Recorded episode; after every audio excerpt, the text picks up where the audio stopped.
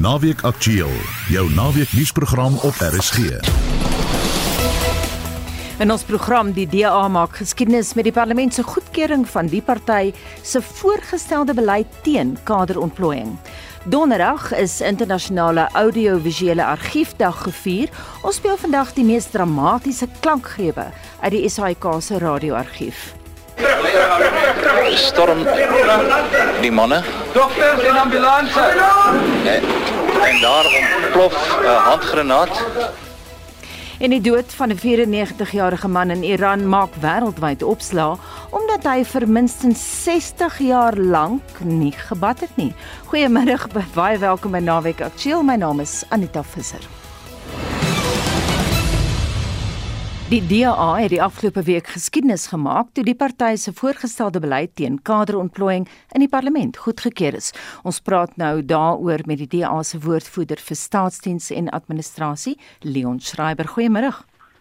Goeiemôre Anita en middag aan die luisteraars. Was jy verbaas? Ons was verbaas. Ehm um, ek dink dit is interessant om te kyk na hoe hierdie nuwe beleidsraamwerk aangekondig is deur die regering. So so uh, op die 19de Oktober het die kabinet vergader en besluit om hierdie nuwe beleidsraamwerk vir die professionalisering van die staatsdiens goed te keur. Hulle het toe op twee afsonderlike geleenthede perskonferensies gehou, een deur die president se woordvoerder en een deur die minister van staatsdiens en administrasie. Maar op beide van hierdie perskonferensies het hulle versuim om die belangrikste deel van die nuwe beleid uh, aan te kondig en dit is die feit die DA se posisie dat kaderontplooiing afgeskaf behoort te word ten gunste van meriete gebaseerde aanstellings in hierdie beleid geïnkorporeer het. En uh, dit is toe hoekom ons uh, einde verlede week hierdie aankondiging gemaak het om dit onder die publiek se aandag te bring. Dat, Leon, as jy um, die net- eerste keer Mm, as jy korter kan antwoord asseblief, ek het baie vrae. Presies wat 100%. behels die beleid? So die beleid ehm um, se woord wat dit gebruik is dat kaderontplooiing ditch. Hulle moet dit ditch ten gunste van meriete gebaseerde aanstellings en dit maak dit dan ook duidelik dat verskeie regeringsdepartemente op plaaslike, provinsiale en nasionale vlak hierdie nuwe beleidsrigting moet implementeer. En wanneer gaan dit gebeur? So die beleid is nou regeringsbeleid. Nou is daar natuurlik verskeie wetwysigings wat geïmplementeer moet word uh, om dit deur te voer. So die DA gaan nou werk om die model wat ons by die stop kaderontplooiingswetsontwerp geskep het te gebruik om dan ook alles van staatsbeheerde entiteite tot op munisipale vlak te dwing om te voldoen aan hierdie nuwe beleidsvereistes. Leon, dink jy dit gaan nou gebeur met ander voorgestelde wetgewing deur julle? So dis die eerste ding. Ons sal moet teruggaan na die stopkaderontplooiingswetsontwerp wat die parlement vroeër verjaar afgekeur het want die konteks het natuurlik nou verander. Dit is nou amptelike regeringsbeleid om die DA standpunt te implementeer. So ons hoop dat ons weer kan kyk na daai spesifieke wetsontwerp, maar die belangrike ding natuurlik nou is nog steeds die ANC en die ANC wat moontlik sal wil voortgaan met hierdie beleid in weerwil met kaderontplooiing in weerwil van die regering se beleid. So dis hoekom ons hofsaak in Januarie ook baie belangrik is om om dit ongrondwettig te verklaar en dit onmoontlik te maak vir die ANC om hierdie nuwe beleid uh, terug te trek of te ondermyn. Wat sê julle kollegas van ander partye? Ek dink ehm um, meeste mense uh, ons om te sien dat hierdie ehm um, spesifieke aspek aanvaar is, maar daar is ander partye wat ons glo ons sal steun wanneer ons dan nou hierdie verskeie wetsontwerpe voorlê om hierdie nuwe beleid te implementeer. Ek dink die grootste en die belangrikste party natuurlik om dop te hou is die ANC self. Want ehm um, ek vermoed daar gaan waarskynlik twee spalt in die party wees oor hierdie besluit. Ek dink daar is baie mense in die ANC ehm um, soos wat mense kan sien uit die feit dat hulle ons hofsaak teenstaan wat wil volhard met kaderontplooiing selfs in weerwil van die kabinet se besluit. So ons gaan natuurlik werk om seker te maak dat die kabinet se nuwe besluit beskerm word, dat kaderontplooiing afgeskaf word en dit die beste manier om dit te doen is deur die hofsaak te wen volgende jaar. Baie dankie en so beloof Leon Schreiber, hy's 'n DA parlementslid en die party se woordvoerder vir staatsdiens en administrasie. Donderdag het die Verenigde Nasies Internasionale Audiovisuele Argiefdag gevier. Naweek Aktueel het in ons eie radioargief die mees dramatiese klankgrepe gaan soek met die hulp van die personeel daar. There are times when you must take into account your overseas image. You must at all times try to act in such a manner that you don't create ill will and enmity against South Africa overseas. Each and every one of us do our level best to avoid that sort of thing. Raad wat die polisie woordvoerder Retief van Rooyen wat die Biko-moord op 'n internasionale media-konferensie in Washington moet verduidelik, nie volg nie. Steve Biko brought for interrogation to the officers on the second day of interrogation went berserk. He was ill at ease. He jumped up. He said that they were intimidating him. They were harassing him. He threw a chair at the senior officer who jumped away. He tried to strike another one and he was grabbed hold of by one who jumped up from a chair.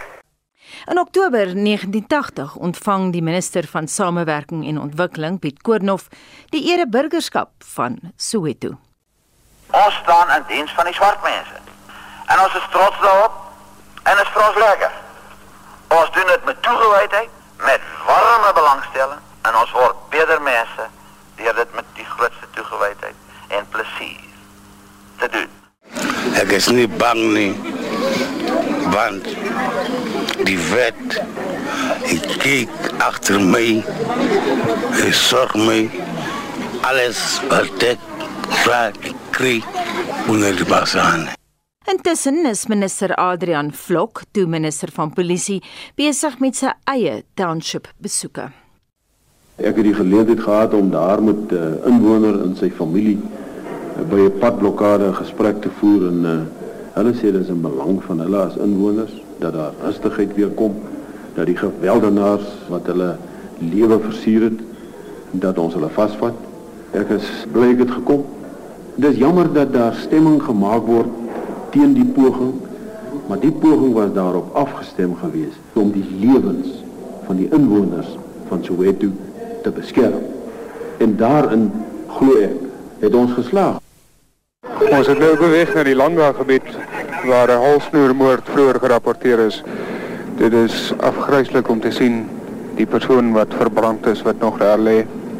Die hande in die lug ingestrek asof 'n laaste wanhoopsgebaar.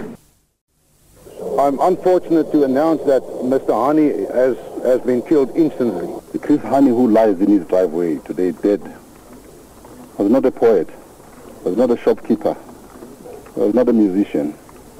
He was a revolutionary. But Chris died for peace. I think you How shall we convince people Oh, okay. about you? In 'n onderhoud met die joernalis Chris Lou probeer F.W. de Klerk vure doodslaan. Die gewone konvensionele metodes kan nie so 'n tipe revolusionêre aanslag effektief hanteer. Maar dit lyk nou asof die konvensionele metodes waarvoor jy ruimte gelaat het, gelei het tot terrorisme van die staat se kant af. Dit het dit is een van die amper noodwendige gevolge van hierdie tipe konflik. En dit het soos generaal Viljoen dit self beskryf het in sy voorlegging, dit het gelei tot 'n vuil oorlog. Maar dit was nie die politici wat die vuilwerk moes doen nie, getuig Eugene de Kok by die WVK. Baie van die wat hierdie bevele gegee het, het nog nooit saamgeleef met die feit dat hy die sneller self getrek het nie. Dis vir hom maklik gewees dat die sneller getrek word, maar om dit self te doen, self daar te staan, self die persoon te sien en dan terug te gaan en normaal te verkeer die aand in 'n normale sosiale samelewing is is uh, uh, is 'n stryd. Meneer de Klerk, u sê tog u het die klimaat geskep daarvoor. Die partye het die, het die klimaat geskep vir hierdie hierdie optredes, onkonvensionele optredes. Die klimaat is geskep omdat omdat ons 'n revolusionêre aanslag wat terroriste metodes wou aanwend en aangewend het wat bomme geplant het wat onskuldige burgerlikes geteken het omdat ons dit moes weerstaan. Op 25 Desember 1980 soek 3 MK-kaders skuilings van die polisie in Silverton se Volkskasbank en neem 25 burgerlikes gijslaar. Frik Pieterse doen vanuit die bank verslag. Die vuurwapens in gereedheid. Nou kan 'n mens werklik waar absoluut die spanning voel. En daar knal 'n hele klomp skote en dit klink na 'n klein oorlogie wat daar aan die gang is. Binne sekondes is alles oor. En daar storm die manne. Dokters en ambulanse.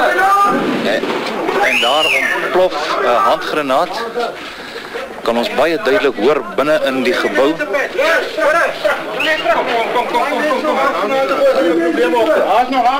Daar word 'n uh, handgranaat gegooi. Ek wil net sê dat uh, ek baie tevrede is met die optrede van die manne hier. Al drie terroriste is natuurlik doodgeskiet.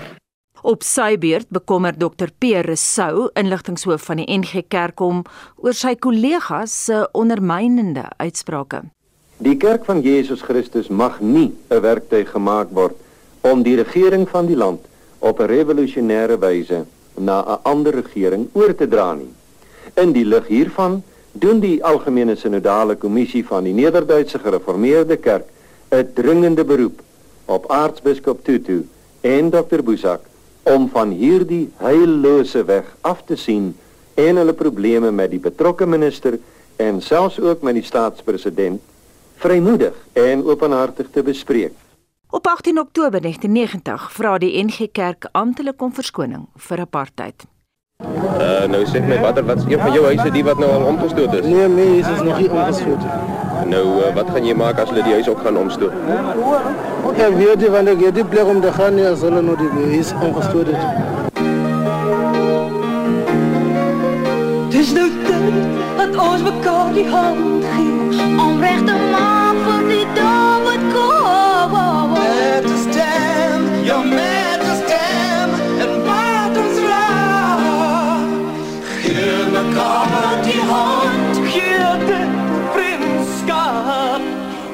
tegniek is 'n bekende tegniek om die gebiede van propaganda, van misleiding en van disinformasie. Hulle is besig met 'n gevaarlike speletjie. Louis Nel se sogenaamde inligtingsliedjie kos die belastingbetaler meer as 4 miljoen rand en baar min vrug, soos die minister van polisie Jimmy Creer deeglik bewus van word. Ongelukkig vanjaar was daar soveel interrogasies dat ons meer kamers moes gebruik as wat uh, daar tralies by die vensters was. En in daardie omstandighede het mense kon wegbreek van die polisie om by die vensters uit te spring. Dit is Soweto. 16 Junie, 5 uur in die môre. Waar is jy so vroeg in die oggend op pad heen? Werk toe was. En jy is nie bang vir hierdie mense wat sê jy moet nie kom werk nie. Nee, ek het gehoor bas dat die bas wat al aan so die polisie agter ons kyk en so werk toe gaan. Ja. Goed, die bas daar moet ons oppas. Maar wie pas julle op? Die polisie.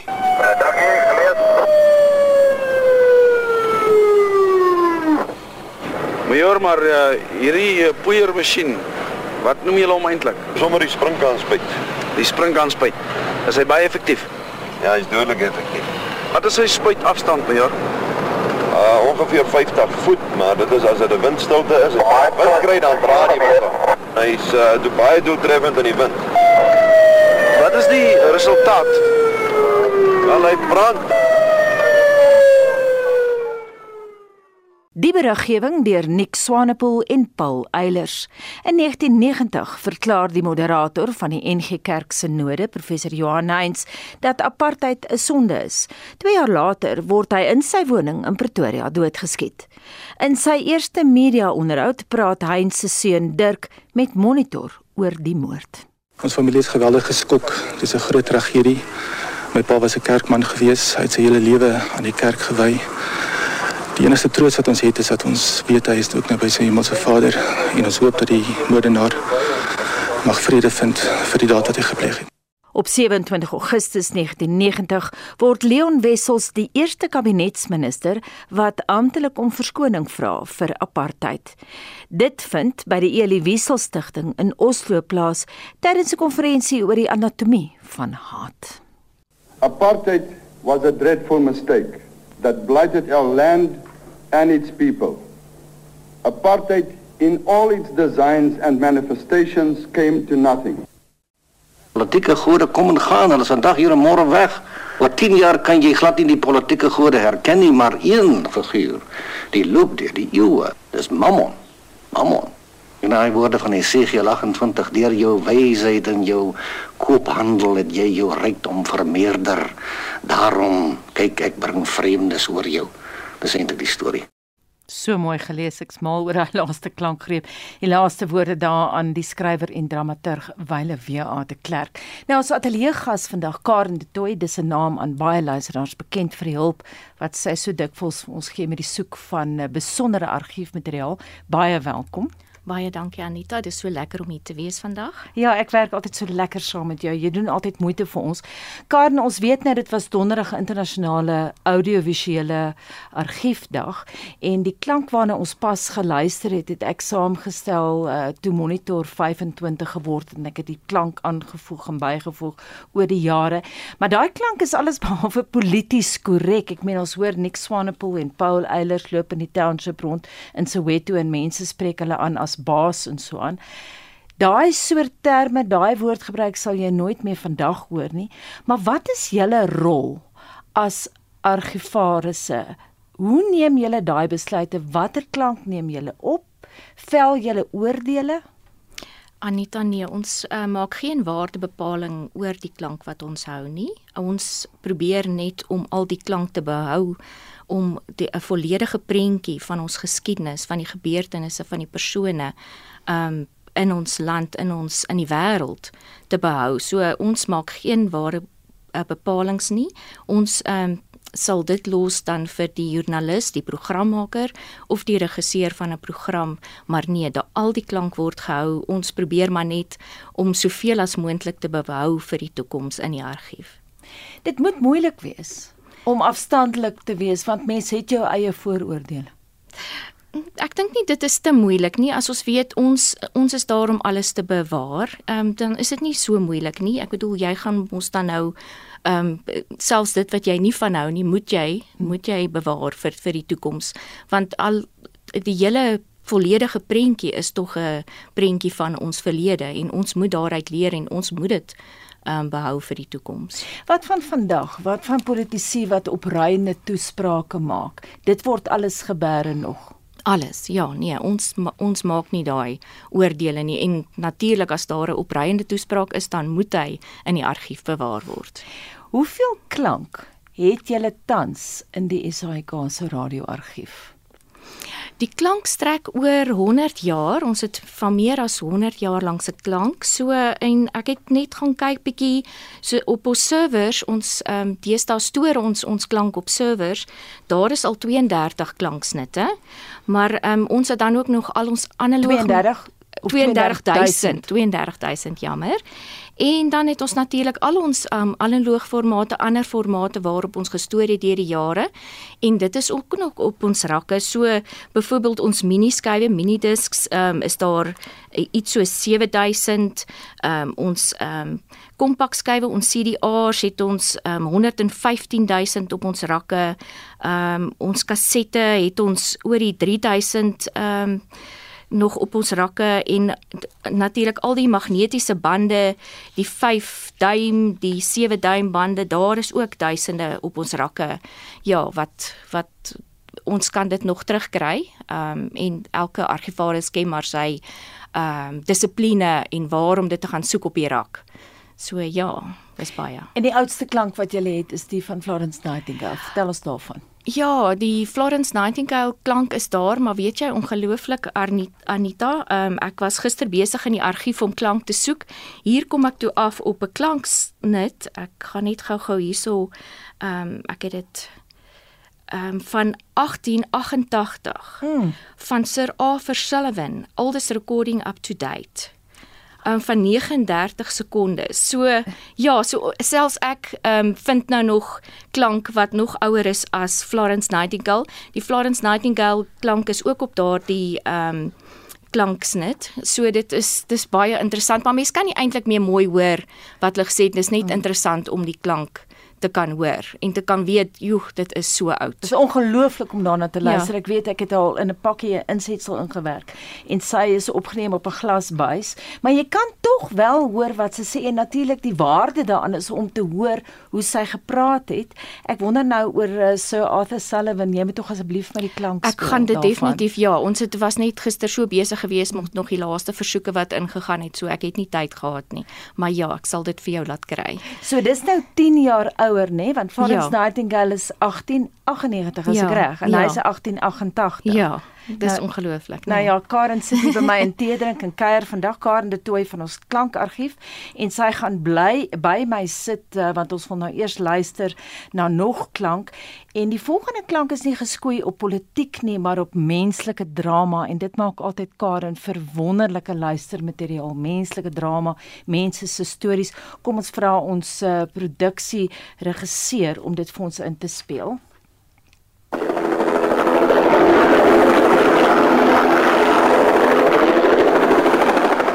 oomblik staan ons hier by die West End Dam. Uh geel skoolbus, soos wat dit in hierdie stadium kan lyk, is heeltemal onder die water, ongeveer 'n meter onder die water is sy dak. Die persoon wat tans ambulansman bo op die bus loop, is omtrent knie diep in die water. Hier is 'n uh, dosyn of meer polisie en ander duikers wat besig is om mense uit die bus uit te haal. Sover ons kan vasstel, is dit 'n skoolbus wat hier deur die draadheining gebars het. Van watter kant af die bus gekom het, is in hierdie stadium onseker. Daar was geen botsing gewees of hy het vir niks uitgeswaai nie. Ek het niks voor hom gesien. Ek was agter op die bike gewees. so Ek het niks voor hom gesien nie. Dat is moontlik, ek weet nie, ek het niks gesien nie. Hy het net geswaai in in die water. En toe die bus in die water in is, wat het toe gebeur? Nou, kinders en boeke en skoene en goed, as dit begin uit, weet by die boonste dek begin uitkom. Dit is nou 3:45 en ons het sopas gehoor dat 21 uh, kinders is in die hospitaal opgeneem waarvan 5 kritiek is. Die amptelike dodesyfer is nog nie vasgestel nie. Dit dan 'n terugblik op die gebeure van Woensdag 27 Maart 1985 in die Johannesburgse voorstad Westdene en van 'n damongeluk na 'n natuurramp. Op 25 Januarie 1981 begin die eerste waterdruppels op die Karoo dorp Lynsburg val. Hier is die stem van Brenda Ameels wat saam met haar man Paul oorleef het nadat hulle deur die water meegesleur is tot in die Floreskraal dam 22 km ver van Lynsburg af. En toe is onder deur die treinbrug. Toe dink ek ek gaan in die treinbrug in vasspoel, maar toe suig hy ons deur onder toe. Dit was vreeslik diep afgesak onder. Ek het gedink ek kom nooit weer op nie. Toe ek bo kom, toe was ek omtrent 'n kilometer verder af in die rivier uit vreeslik vinnig hardloop. Toe sien ek 'n stomp. Toe hou ek daaraan vas omtrent 10 km by die rivier af. Maar waar die rivier draaie gemaak het, het hy vreeslik versnel. En daar was omtrent branders van 10 voet hoog wat bo oor jou gespoel het. Ek het vreeslik water gesluk en opdryfsels. Toe verloor ek my stomp in 'n maalstroom. Toe dryf ek net saam met die water en toe ek terugkyk, toe sien ek ek is bo oor 'n brug. Ek het nie eers gedink aan al die ander goed wat by ons verbygekom het, die TV's en die stowe en die gasbottels. Alles het net so snel by ons verbygegaan. Toe ek in die opdryfsels kom, toe is alles net om my stil. Toe is ek natuurlik in die dam. Toe het ek uitgeloop en toe sien ek omtrent daar 50 meter agter my is 'n man en hy skree vir my hallo darling en ek het nie geweet dit is my man nie. Toe ek eers uit is, toe sê hy vir my hallo. Toe kyk ek terug, toe is dit my man. Spoel hy net so 50 meter van my af. Die stem daar van Brenda Ameels nou intussen het naweek aktueel vir Brenda, nou Brenda Pool opgespoor. Sy is die eienares van die Lynsburg Country Hotel en sy was self verstom oor die feit dat sy en haar man 22 km ver meegesleer is deur die stormwaters. Sy het haar herinnering van 25 Januarie 1981 met ons gedeel. Dit is ongelooflik. Ek net terugdink en jy dink 22 km jy moet stap. Dit is 'n baie ver end. Mm, absoluut. En wat onthou jy nog baie duidelik? O, oh, beklei, baie beklei om bo te bly, om nie te vers, amper sê ek versuip, om nie te verdrink nie want jy's meer onder as bo. Ja, daardie wil om te lewe seker.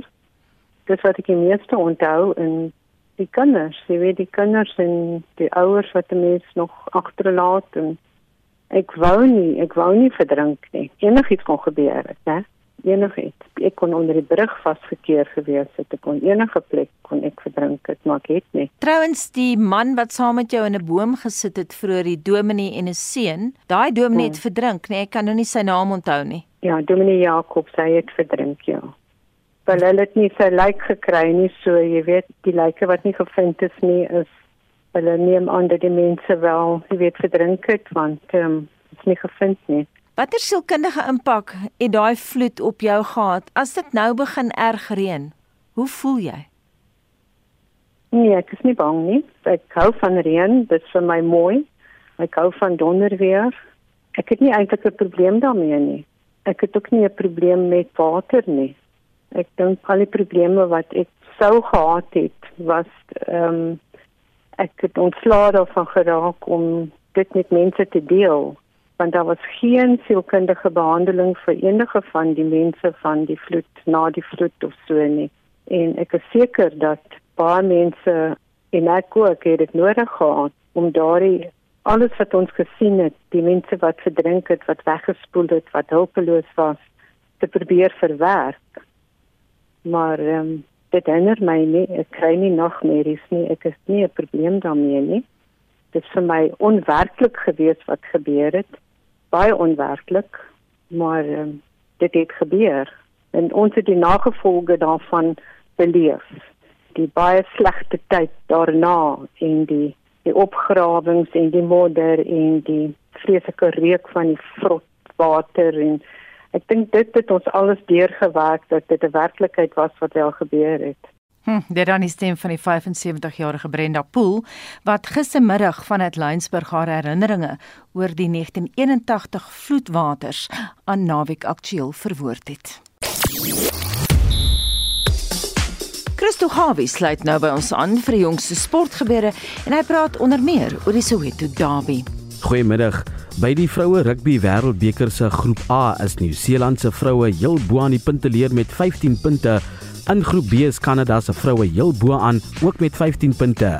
Vanoggend vroeg het die vroue spanne van Frankryk en Italië sake teen mekaar uitgespook in die kwartfinale ronde waar Frankryk Italië met 39-3 afgeronsel het.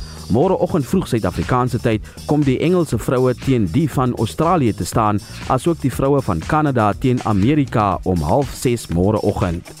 In VRK kragmetings het Lenser gisteraand 'n gemaklike bonuspunt oorwinning van 35-5 oor Scarlets behaal nadat Lenser rustyd reeds met 14-5 voor was. Dit was 'n kragtige vertoning van 'n uitgedunde Lenster span wat die meeste van hulle Ierse internasionale wedstryde misgeloop het na hulle 5-3 teen slegs een van die gasheere gedruk het. Vanmiddag om 4 kom die Stormers en die Lions in Johannesburg teen mekaar te staan. Agt veranderinge is aangebring aan die Stormers span. 3 hiervan is in die agterlyn en 5 in die voorry. Die Stormers word vanmiddag aangevoer deur Erns van Rein terwyl die Lions aangevoer word deur Reinhard Notnagel. Die Bulls afrigter Jake White het Johan Goosen ingesluit in die beginspan en sal hom môre op heel agter teen die Sharks gebruik wanneer hulle kragmeting om 3 namiddag afskop. Beide die Stormers en die Bulls sal die naweek behoorlik in die nek van die voorlopers Leinster wil blaas. In T20 Wêreldbeker kriket was Nieu-Seeland en Sri Lanka vroeër slaags met mekaar. Môreoggend vroeg kom Bangladesh teen Zimbabwe te staan. Die tweede kragmeting môreoggend is Nederland teen Pakistan en dan die Proteas wat teen Indië om 1 namiddag môre te staan kom. By die Victoria Bay strand in George is die 56ste Suid-Afrikaanse branderplankry kampioenskap in volle swang. Die kompetisie het reeds gister begin en duur tot môre. 8 branderplankry distrikte, 48 mans en vroue van reg oor Suid-Afrika ding mee om die mans en vroue kroonkampioenskapstitels. En die 2022-2023 DStv Premierliga sal vandag sy voorste wedstryd, die Soweto Derby aanbied wanneer Orlando Pirates vanmiddag gasheer vir Kaizer Chiefs in die FNB Stadion is. Die kragmeting begin om 04:30 vanmiddag. En dit dan ons sportverslaggewer Christo Gawie met die heel jongste sportnuus. Gister op Nasionale Nooddienste Dag is die onbaatsigtige diens deur paramedisy en nooddienspersoneel in ons land gevier. Nou ons het met Leon Fourie, 'n paramedikus en woordvoerder van MediResponse in Durban, oor die uitdagings van sy beroep gepraat. Ek dink op 'n dag soos vandag vir die meeste mense in die industrie beteken dit net dat daar herdenking gegee word aan 'n werk wat baie min mense kan doen. Om 'n paramedic te wees is nie is nie iets wat enigiemand net kan optel en doen nie. Die die wraak, die devastation as mense so kan stel wat paramedikuste op 'n daaglikse basis sien is nie vir enige persoon nie. So ek dink om herdenking te kry op sulke dag beteken regtig baie vir die paramedikus daar buite. Hoekom is dit vir jou belangrik dat hierdie dag gevier moet word? Ja, dan moet jy dood eerlik wees op hierdie een en ons ons celebrate nie regtig hierdie dag nie want ons het nie eens geweet hierdie dag bestaan nie. Ek dink nee, ek daai is 'n moeilike vraag. Maar moet dit geselebreit word? Ja, ek dink dit moet. Ehm um, paramedikuste is regtig fantastiese mense wat deel met 'n klomp dinge en om 'n bietjie herdenking vir die paramedikuste daar buite te gee is cool. Praat met ons oor julle grootste uitdagings veral op die grond. Ek dink die grootste uitdaging is maar is maar op die paaie om betyds op 'n toneel te kom. Want deesdae skuif niemand meer uit die pad uit vir ambulans nie. So jy sit daar so, jy word helse frustreerd en mense deesdae, ek dink daar's so min mense daar buite wat nog omgee. As iemand nou 'n ambulans sien, dan sit hulle maar net op die pad of hulle sit in die geel baan en dan skuif jy regtig uit jou pad uit. So dit is definitief 'n groot uitdaging. Laastens Leon wil ek hoor of daar enige vordering al gemaak is wat paramedisy se veiligheid en so voorts betref. So die veiligheid van 'n paramedikus, ek dink is maar dit gaan maar altyd 'n moeilike een wees. Paramedics gaan in areas in waar baie keer die polisie nie eens sal ingaan nie. Baie keer moet hulle wag vir die begeleiding van polisie, maar omrede ons polisie diens so dun op die grond is, is dit nie altyd moontlik om te wag vir 'n polisie waar om jou in te vat nie. So Dan moet paramedics maar self ingaan want hulle wil help en hulle moet help en ek dink daar kan veel meer gedoen word vir die veiligheid. En so sê Leon Forrea se paramedikus en woordvoerder van MediResponse in Durban en hy het met Vincent Mofokeng gepraat. Die premier van Spanje, Sanchez Perez Castejon, is tans in Suid-Afrika, maar helaas beskryf die presidentsie se amptelike blad die Spaanse leier as president. Dus is sy titel verkeerd. Professor Antoni van Nieuwkerk van Tabenbekkie se Afrika Skool vir internasionale aangeleenthede het gister sy mening hieroor met Naweek Aktueel gedeel. Mense wat ingelig is en wat waarde heg aan diplomatie en protokol sal heel waarskynlik 'n wenkbrauw lig oor die blads en dis dalk nie die eerste blads nie want vandag hoor ons oor die nuus dat president Ramaphosa nie gelukkig is met die Amerikaners wat 'n terreurbedreigings waarskuwing uitgereik het nie. En 'n mens wonder nou hoe werk die verhoudinge tussen die president, die presidentsie, die mense rondom hom wat sy raadgewers is en die verhouding met ons departement van buitelandse sake met die afkorting van Durke. Dis 'n blad Sanita wat ek dink vir ons vertel dat alles nie na wense is nie, maar gelukkig dink ek nie almal gaan dit as sodanig sien nie. Jy moenie so fout maak nie, veral nie as jy 'n hoëgeplaaste leier van 'n belangrike land uitnooi om by jou te kom kuier nie. Die detail moet korrek wees. Jou protokol moet sonder probleme verloop. Van die dag wat die persoon hier aankom, trouens dit begin al vroeër, jy weet met so hoëgeplaaste besoek, werk jou diplomate aan al twee kante om voor te berei vir die besoek. 'n President, 'n premier daag nie net hier op of ons president gaan nie net maklik na Londen toe om, of na die Withuis in Amerika om te gaan gesels nie. Hierdie besoeke word baie fyn uitgewerk en 'n mens wonder oor die kapasiteit van ons amptenary wat dan so 'n tipe van 'n blaps maak en dit op die webwerf plaas. As hulle so fout gemaak het, moet hulle dit onmiddellik herstel. En ek moet sê enige besoek van 'n lidland van die Europese Unie aan Suid-Afrika in hierdie moeilike tye, jy weet met die oorlog tussen Rusland en NAVO, is 'n belangrike besoek want die EU is ons grootste handelsvernoot. Ons werk nie noodwendig saam met die EU wat betref die Russiese probleem nie. So dis 'n delikate onderwerp wat ek dink aangeroer is, soos wat ons weet in die gesprek nou tussen president Ramaphosa en die Spanjaarde. En natuurlik is hierdie oorlog op die agenda, maar ook handelsbetrekkinge. En 'n mens wil nie hê dat sulke foute begaan moet word nie. Dit dan kommentaar van professor Antoni van Nieuwkerk van Tabenbekkie se Afrika Skool vir internasionale aangeleenthede. Die president se woordvoerder, Vincent Magwenya, was nie gister beskikbaar om kommentaar te lewer op die fout op die presidentsie se webblad nie. En nou iets heel anders. Die dood van 'n 94-jarige man in Iran het die afgelope week wêreldwyd opspraak verwek en met goeie rede. Amu Haji was bang vir seep en water, so bang dat hy minstens vir 60 jaar lank nie gebad of gewas het nie. Hy het in die droë gebied van Vars gewoon en was daarvan oortuig dat die laag stof en roet op sy liggaam hom aan die lewe hou. Naweek aktueel het dieper gaan krap en soos wat Marlenae Forsie berig, is daar 'n hele wetenskap om oortuigings soos die gebou. چی بچه مشکل اینا بچه بازی بچه هنسی بچه بازیش میکنه Dit is die stem van Amu Haji in 'n onderhoud met die Iranse uitsaaier IRNA in 2014. Nou in die onderhoud rook hy sommer 5 sigarette op een slag. Langsom is 'n dooie wit duif in 'n plastieksak sy volgende maaltyd. Hy het in 'n gat in die grond gewoon, diere geëet wat doodgery is of aan natuurlike oorsake gesterf het en vuil water uit 'n ou oliekan gedrink. En as 'n bygangers se sigarette opgeraak het, het hy sommer diere misgerook. Later het bekommerde bure vir hom 'n skuilings gebou waar hy so nou en dan gewoon het. Sy vel was grys van die stof en pogings om hom te bad het misluk, want dit het hom ongelukkig gemaak. Hy het tog uiteindelik toegegee en is gebad. Maande daarna is hy dood. Hy het duidelik van 'n baie baie jong ouderdom sy immuniteitstelsel blootgestel aan sekere organismes wat sy immuniteit geprikkel het. Dit is sodat hy oor 'n tydperk van baie jare wel 'n tipe van 'n immuniteitstelsel kon opgebou het met baie antiliggame wat hom weerstandig gemaak het teen sekere infeksies, maar hoe sê die Engelsman, he was the lucky one, want dit kon ook op 'n totale ander manier uitgespeel het. Dit is die mening van professor Tess van der Merwe, 'n endokrinoloog en buitengewone professor aan die Universiteit van Pretoria. Ek het haar gevra wat sy dink van Haji se behoefte om sy vuil laag te behou die liggaam se vel is een enorme groot deurdringbare orgaan.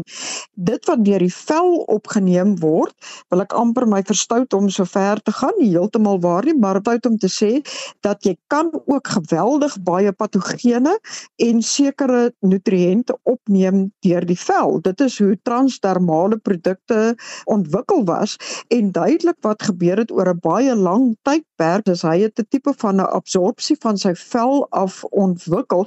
Dit is iets waarop daar al navorsing gedoen was wat gewys het dat as jy daai tipe van vuilheid ontwikkel, serotonien afskeiding ontwikkel. Nou dit is ons happy hormoon. Met ander woorde, daar is 'n vorm van transdermale ontwikkeling van serotonien afskeiding en dit was interessant om hierdie ou se verhaal te lees waar hy gesê het hulle het hartseer geword as hulle hom probeer bad het. Duidelik was hy een van daai gevalle waar daai transdermale ontwikkeling van serotonien afskeiding was wat hom 'n tevrede en 'n gelukkige mens gemaak het. Sy leefstyl herinner haar aan die wetenskap van geografie. Dit beteken maar net mense wat 'n behoefte daaraan het om verskillende forme van grond te eet en wat glo dat daar sekere magiese kragte daaraan gekoppel word, is omdat dit jou immuniteit kan prikkel van 'n baie jong ouderdom af. Van die voedingsstowwe wat tog in grond voorkom is yster en Vitamiene B12 onder spesifieke omstandighede. Daar selfs kultuurgroepe waar kinders nie verhoed mag word om grond te eet nie. Ons weet dat kinders wat 'n natuurlike behoefte het om byvoorbeeld klei te gaan eet uit 'n dam uit, baie keer ly aan ysterwanvoeding en deur van daai grond te gaan inneem, kan hulle wel vir hulle self 'n verhoogde ysterinname aanmoedig. Aanvanklik was dit gebaseer op die feit dat hulle sekere antibiotikas kon isoleer van sekere van hierdie bakterieë wat wel in die grond bestaan, soos byvoorbeeld die Streptomyces bakterieë bakterieë. Aan die een kant het ons redelike bewys dat 'n verhoogde blootstelling aan aan grond en speel in die grond vir kinders kan dalk jou immuniteit prikkel, maar dit het ook ander baie risiko's. Van 'n merwe verwys na die praktyke en Haji se leefstylkeuse as radikale terapie. Iets wat jy liefs moet vermy. Jy moet gaan vir die absolute ekstreme. Met ander woorde, hou vandag op bad vir die volgende 94 jaar en dan kan jy dalk 'n soortgelyke uitkoms hê, maar as jy dit nie kronies doen en as jy dit nie absoluut elke dag doen nie, dan is die moderne mens soos ons die mens se liggaam ken vandag werklik nie eintlik aangepas daarvoor nie. Dit was professor Tess van der Merwe, 'n endokrinoloog en buitengewone professor aan die Universiteit van Pretoria. Sy sê buitendien dat oud word of in mense gene is of nie en ook 'n rol kan speel in Amu Haji wat hom dekades lank nie gewas het nie, se lang lewe. Marlene Forsie, SAK nuus. Die Wes-Kaapse Hooggeregshof-regter Daniel Tulare het van dese week die kolle geplaas op Suid-Afrikaanse polisiebeamptes wat by Kaapse bendes betrokke is. Die vermeende bendeleiers, Elcardo Adams en Alfonso Kloete, is egter deur die hof borgtog geweier. Regter Tulare sê die bewyse dui nie, nie net slegs op die omvang van hoe sommige polisiebeamptes gekaap is nie, maar ook daarop dat 28 bendelede selfs toegang gehad het tot die Wes-Kaapse polisiekommissaris. Regan Allen of Regan Allen, die LER vir gemeenskapsveiligheid in die Wes-Kaap, sê hulle het die polisieombudsman genader om die situasie te ondersoek. Die verdagtes in hierdie saak het verskyn op verskeie en baie ernstige aanklagte en dit sluit in onder meer moord, poging tot moord en die besit van onwettige vuurwapens. So of hulle skuldig is of nie, is vir die regter om te besluit en persone wat op hierdie klagtes verskyn word as 'n ernstige dreigement beskou.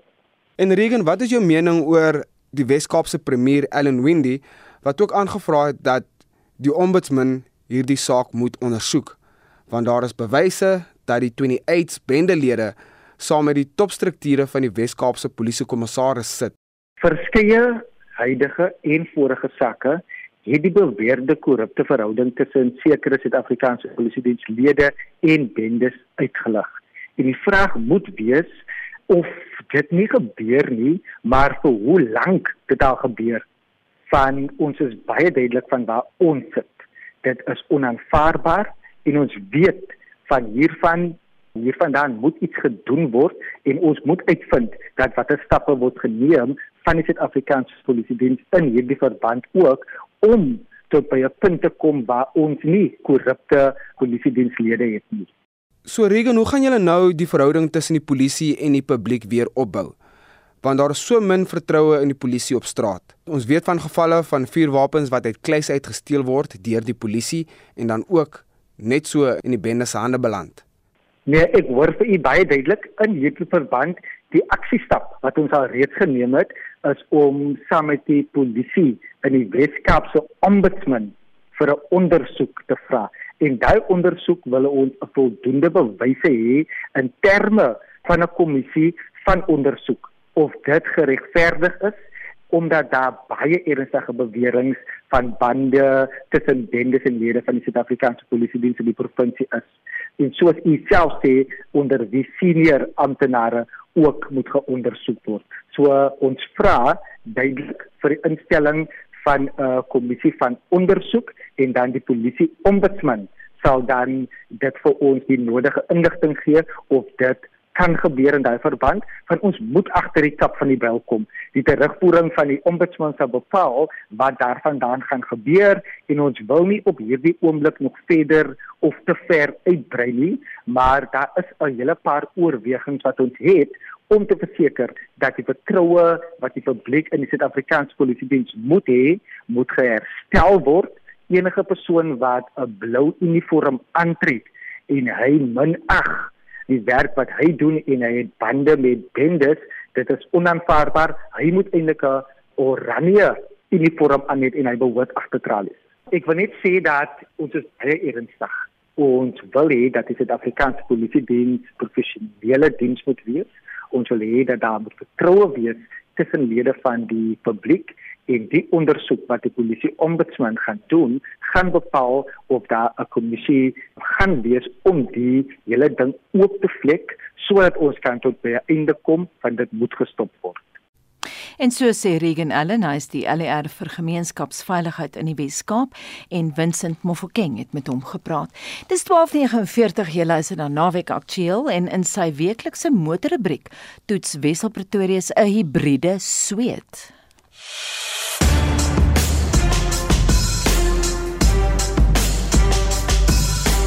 Volvo het weggedoen met diesels en die vlaggenskap in die XC60 reeks is 'n 2 liter petrol turbo en druk aangejaag met 'n elektriese motor genaamd T8 Recharge. En die wonderlike is dat die battery oornag by 'n gewone prop in jou garage met 'n koord gelaai kan word en volgelaai jou tot 80 km ver sal karwei sonder dat jy 'n druppel petrol gebruik. Dis 'n afstand wat tipies die daaglikse tripie werk, skool of winkel toe dek. En juist nou maak die inprop hibriede tegnologie baie sin, want Woensdag styg diesel met 'n eislike R1.43 per liter en petrol met 51 sent per liter. Sou jy vinnig versnel of 'n stel opdraande teekom, skop die petrolmasjien soemloos in vir ekstra woema. En dis geen vrees vir beerdkrag of ryk-afstand nie, soos in die geval van 'n vol elektriese voertuig. Want jou petrolmasjien met 'n 71 liter tank vat eenvoudig oor wanneer die battery uitgeput raak. Elke keer wanneer jy jou voet van die versneller afhaal of rem, word die elektriese motor ook gelaai. So selfs al laai jy nie by 'n kragprop of 'n vinnige laastasie nie, is daar altyd 'n mate van batterykrag beskikbaar. So afhangende van hoe vol die battery gelaai is, is jou brandstofverbruik enigiets tussen 0 en so 7.5 liter per 100 km. Die turboaanjaer en drukaanjaer in Engels supercharger saam met sy volgelaaide elektriese kragbron lewer 'n massiewe 340 kW en 709 Nm wrinkrag. 0 na 100 word in 'n blitsige 4,8 sekondes afgelê. Die binneruim is minimalisties, maar terselfdertyd lyks en smaakvol afgerond.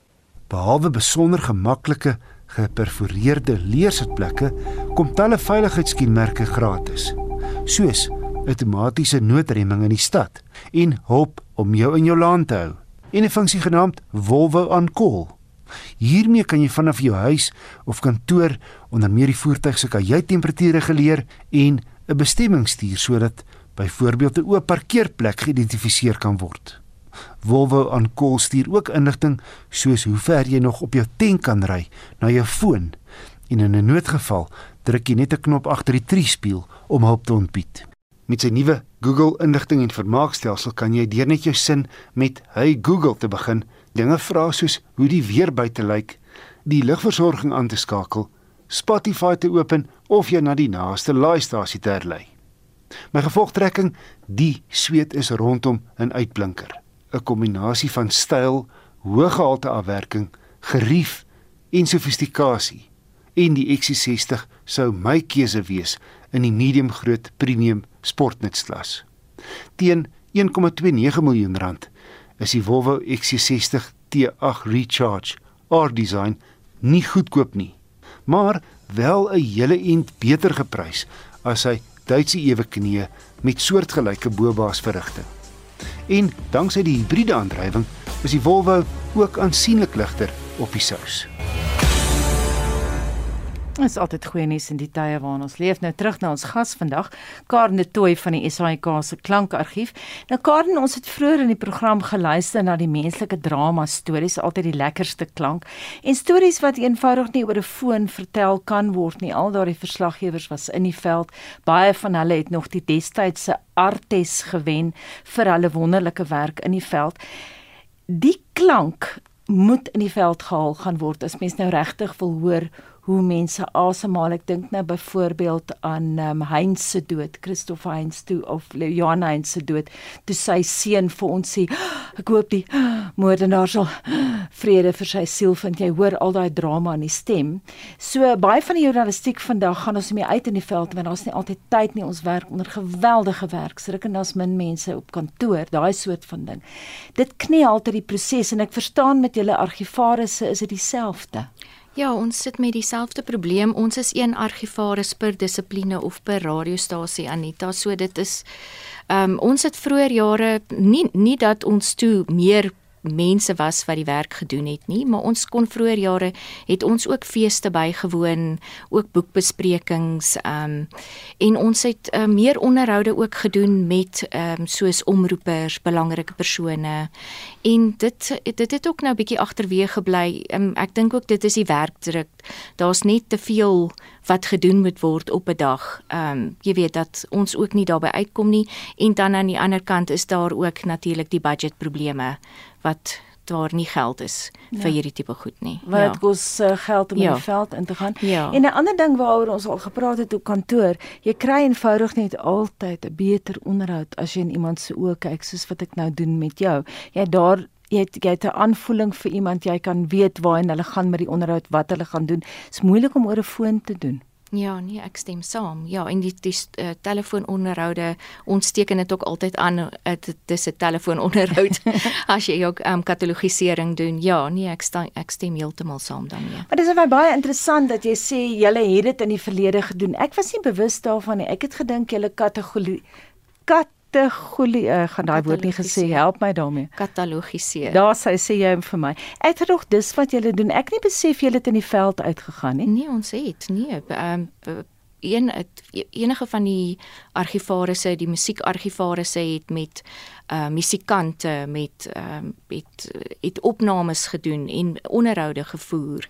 Ehm um, ja nee dalk moet ons bietjie weer meer daarna kyk maar net ehm um, kyk hoe ons dit kan doen met al die beperkings wat ons het want dit is ongelooflike klank wat ons het byvoorbeeld um, die klank wat ons nou het van vroeë jare van die uitsaaiers wat mm -hmm. hulle nou weer uitgesaai het op RSG 85 dis ongelooflik en partykeer hoor jy dit vir die eerste keer Nou ja, daar's 'n bekende stem. Almal hoor altyd uh, Karen de Tooy se naam. Karen de Tooy van die SAIK se klankargief. Baie dankie dat jy kom saamkuier het met my. Baie dankie Anita, dit was heerlik. Vandag se span was ons uitvoerende regisseur Nicoline de Wee, die redakteur Veronique van Heiningen en ons produksieregisseur Johan Pieterse. My naam is Anita Visser. Ek groet namens die hele span.